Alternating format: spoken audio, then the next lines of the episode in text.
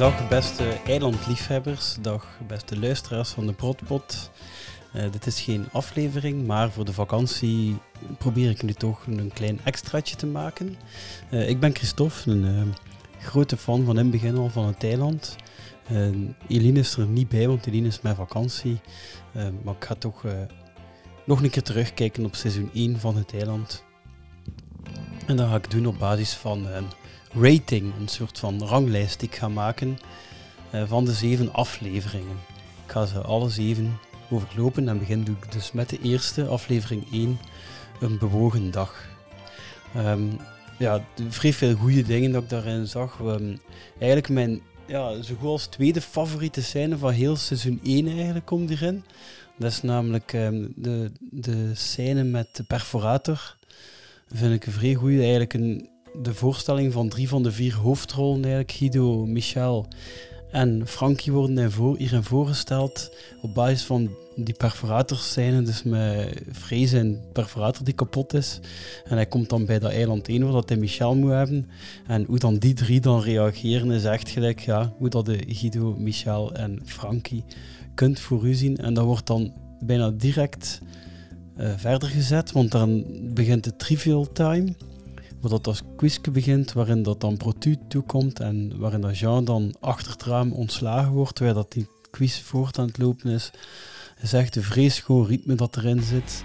Dus dat zijn al twee supersterke dingen dat ik vind aan aflevering 1. Uiteraard ook het kleine dingetje in eh, Dolce La Hulp, waarin dat Alain over het uh, trapje uh, struikelt. Dat vind ik ook echt een vrij wijs moment. En dan natuurlijk nog een paar uh, ja, de, het begin wordt gezet van iets wat eigenlijk de hele seizoen 1 en zelfs seizoen 2 gaat voortlopen. Dus dat ze protput hebben uh, gezegd in plaats van protu bij het uh, interimkantoor, die verder niet vermeld wordt. Maar die hebben daar blijkbaar wel een grote rol gespeeld in hoe dat heel spel daar uh, zich ontwikkelt. en dan nog een leuk dingetje, de, de clash tussen IT en dus ja, die Jeroen van de nieuw van IT en Michel en Frankie. Dat is zo de typische ja, de spanning die, er, die je hebt tussen IT en de boekhouding. Zijn eigenlijk echt, uh, ja, die zijn echt vrij goed uitgewerkt daarin. Dan uh, kan ik nog maar een paar minpuntjes benoemen. Uh, dus die ja, het feit dat die Sophie dan zegt, zal niet zeggen en dan toch doorroddelt, ja, dat is zo. Een ambetant begin. Het moet natuurlijk voor het verhaal en het klopt eigenlijk ook, maar blijf je er ambetant bij voelen bij dat, dat begin. Maar toch, voor als een eerste aflevering van een serie, eh, die gasten ja, die hadden mij zo direct mee.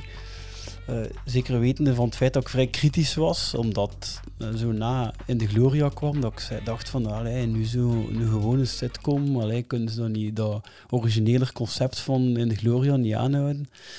Maar ja, dat was echt zo goed. Dus voor mij komt aflevering 1 van de 7 op nummer 3.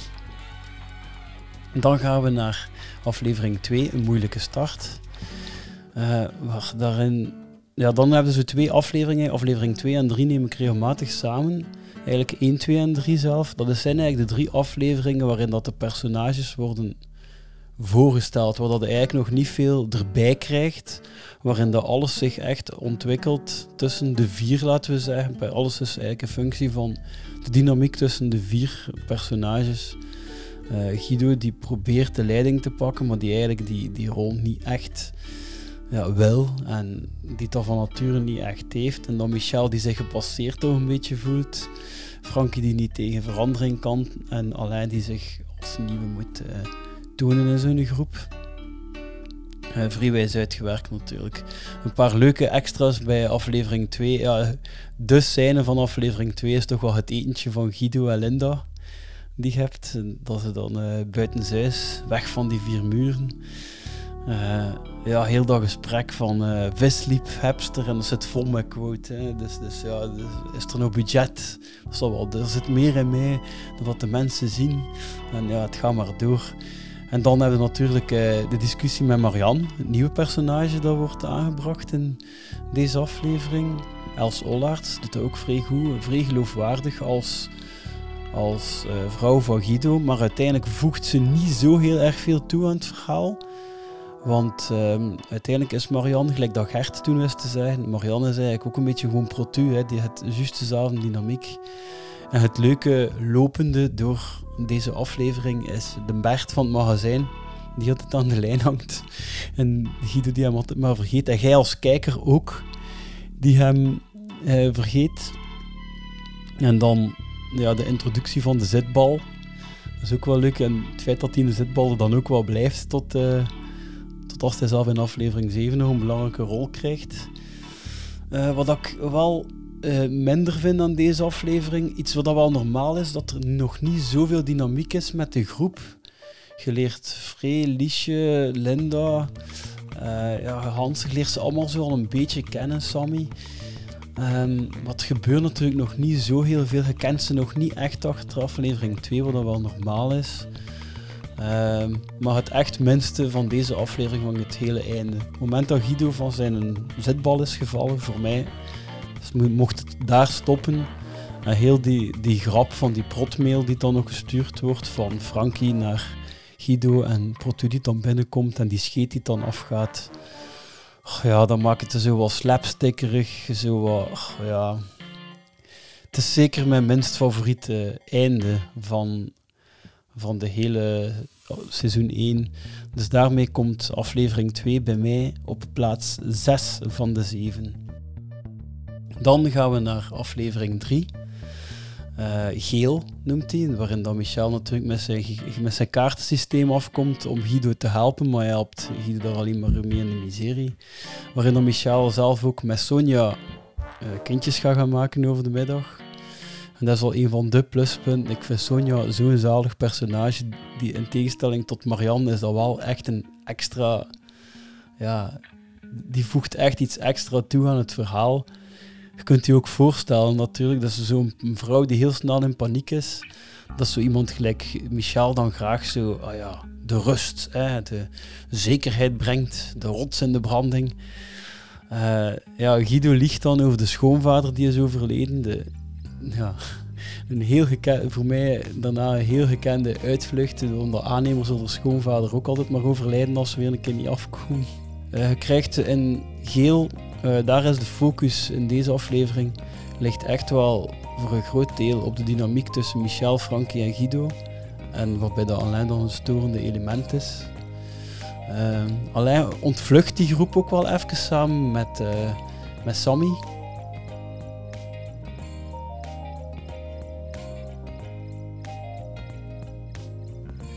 Um, ja, wat is er wat minder vind ik aan deze aflevering?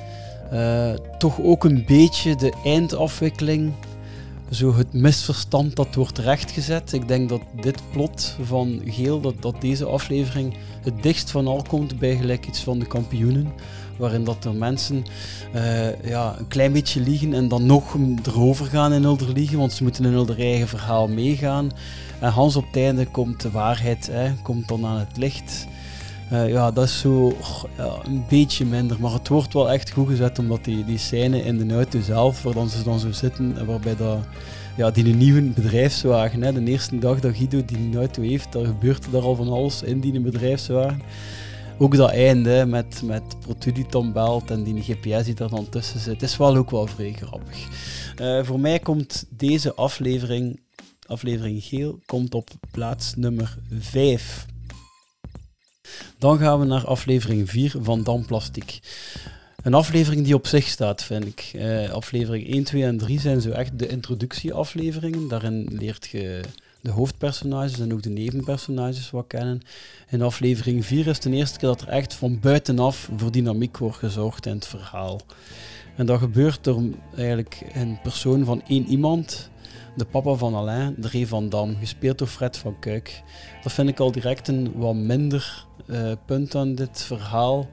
Want ja, op een of andere manier, ik vind Fred van Kuik, ook al vind ik dat een goede acteur, ik vind het niet volledig werken. Hij is te clownesk. Uh, de scène waarin dat je dan zo de lach der dwazen hebt, dat, dat uh, Alain normaal heeft samen met Sammy, dat hij dan een keer samen met zijn vader heeft, dat ze zo beginnen te lachen. Ja, het komt ook niet zo goed geacteerd over dat lachen samen. Uh, deze aflevering geeft mij ook wel een wrang gevoel, omdat het pestgedrag, het, het, ja, Zo alleen die echt gepest wordt en niet aanvaard wordt en zijn vader die er gewoon bij staat en dat laat gebeuren, geeft me een heel pijnlijk gevoel. Het is natuurlijk ook tegelijk heel goed gedaan. Hè. Het geeft me echt wel wat een minder uh, gevoel. er waren twee leuke gimmicks aan deze aflevering. Dus Sammy die thuis zit, die toch ook een van de quotes van, ja, van het eiland zelf heeft opgeleverd. Wat je staat op de website, man. En Sammy die ook gewoon genegeerd wordt als hij vraagt, vraag jij mij niet af waar ik zit. Zo'n heel eenvoudige, ja, hebben gewoon in zo'n keukentje gezet met die kellogg's en al. En ja, het werkt super goed. En ook uiteindelijk, ja, Frankie zijn, zijn heel kinderachtig reageren op, op Alain. En als hij op die website staat en die hem dan aan de PC van Sammy gaat gaan zetten en daar dan, dan bijna Lin, uh, Rita haar neus afbijt, is echt supergoed. Uh, het einde is nog wel redelijk wijs met, uh, met het, uh, het op hol geslagen machine van Drie van Dam. Zijn, zijn zonnewering. maar toch ook iets raar. Het is zo het, het machine die zo echt een eigen leven krijgt. Er is geen logica achter te vinden. op een gegeven moment, ja, het wordt zodanig absurdistisch daar. Je moet je daarop instellen als kijker. Van oké, nu is het zo. Nu, is er geen, geen logische wijze waarom dat fout loopt. Het loopt gewoon fout. En dan het feit waarom dat Sammy dat dan maakt, is een Deus Ex Machina-achtig iets. Um, het herstelt het natuurlijk wel mooi voor Frankie. Dat geeft natuurlijk een leuk evenwicht aan de aflevering. Maar toch, ja, het zijn zo toch al een paar rare dingen die ik zo niet helemaal eigen vind aan deze serie. Voor mij komt aflevering 4 dan ook op de zevende en eigenlijk wel laatste plaats. Alhoewel dat ik wel moet zeggen dat deze aflevering van mij nog altijd een 9,5 op 10 krijgt. Hoor. Uh, ja, het vol met wel zeer goed acteerwerk, zeer goed plotwerk, plot twists, uh, alles zit super goed. Ik heb mega moeten lachen met die scène, met deze aflevering ook. Dan komen we aan aflevering 5, Lente. De aflevering waarin dat ze op dak zitten, wordt er meestal gezegd. Ja, en de aflevering met de groene dassen, de aflevering met de tulpen, de aflevering met de tas die kapot genepen wordt. Uh, ja, ik kan er zo nog heel veel op noemen. Eigenlijk, ja, uh, heel veel dynamiek in, vanaf hier. Dus van, eigenlijk vanaf nu, aflevering 5, 6 en 7 zitten vol met veel meer dynamiek. Er wordt veel meer gewerkt met de verdiepen ook van het Sinalco-gebouw. Er wordt veel meer naar boven en naar beneden gelopen. De personages zitten een beetje all over the place, laten we zeggen. Ze eindigen zelf met driekwart van de cast helemaal op tak. Mijn favoriete scène trouwens van seizoen 1 in één shot genomen. We weten nu ondertussen van Jan Eelen ook hoe dat, dat komt. Dus ze moesten, ze moesten wel vanwege de zon, die anders veel te veel draaide. Het is echt super goed gelukt daar. Ook uh, de dynamiek waarin dat, het pestgedrag, dat ik zei van de vorige aflevering, loopt hier nog verder op, maar wordt dan eigenlijk ook wel voor een groot stuk opgelost. Op een heel onhandige manier door Guido, maar hij lost het wel op.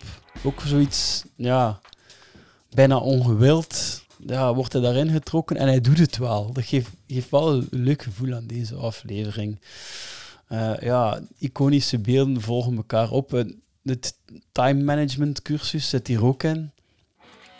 Um, hoe weinig shots dat dat ook zijn die in beeld krijgt. Je krijgt er zo een perfect beeld van wat voor iets dat dat daar is. Daar wordt ook weer met de verschillende verdiepen gespeeld, omdat Sammy daar dan te zien is door de koepel. Uh, en natuurlijk onze, een van onze favoriete personages, Brunilde, heeft daar haar zinnetje. Ook heel mooi.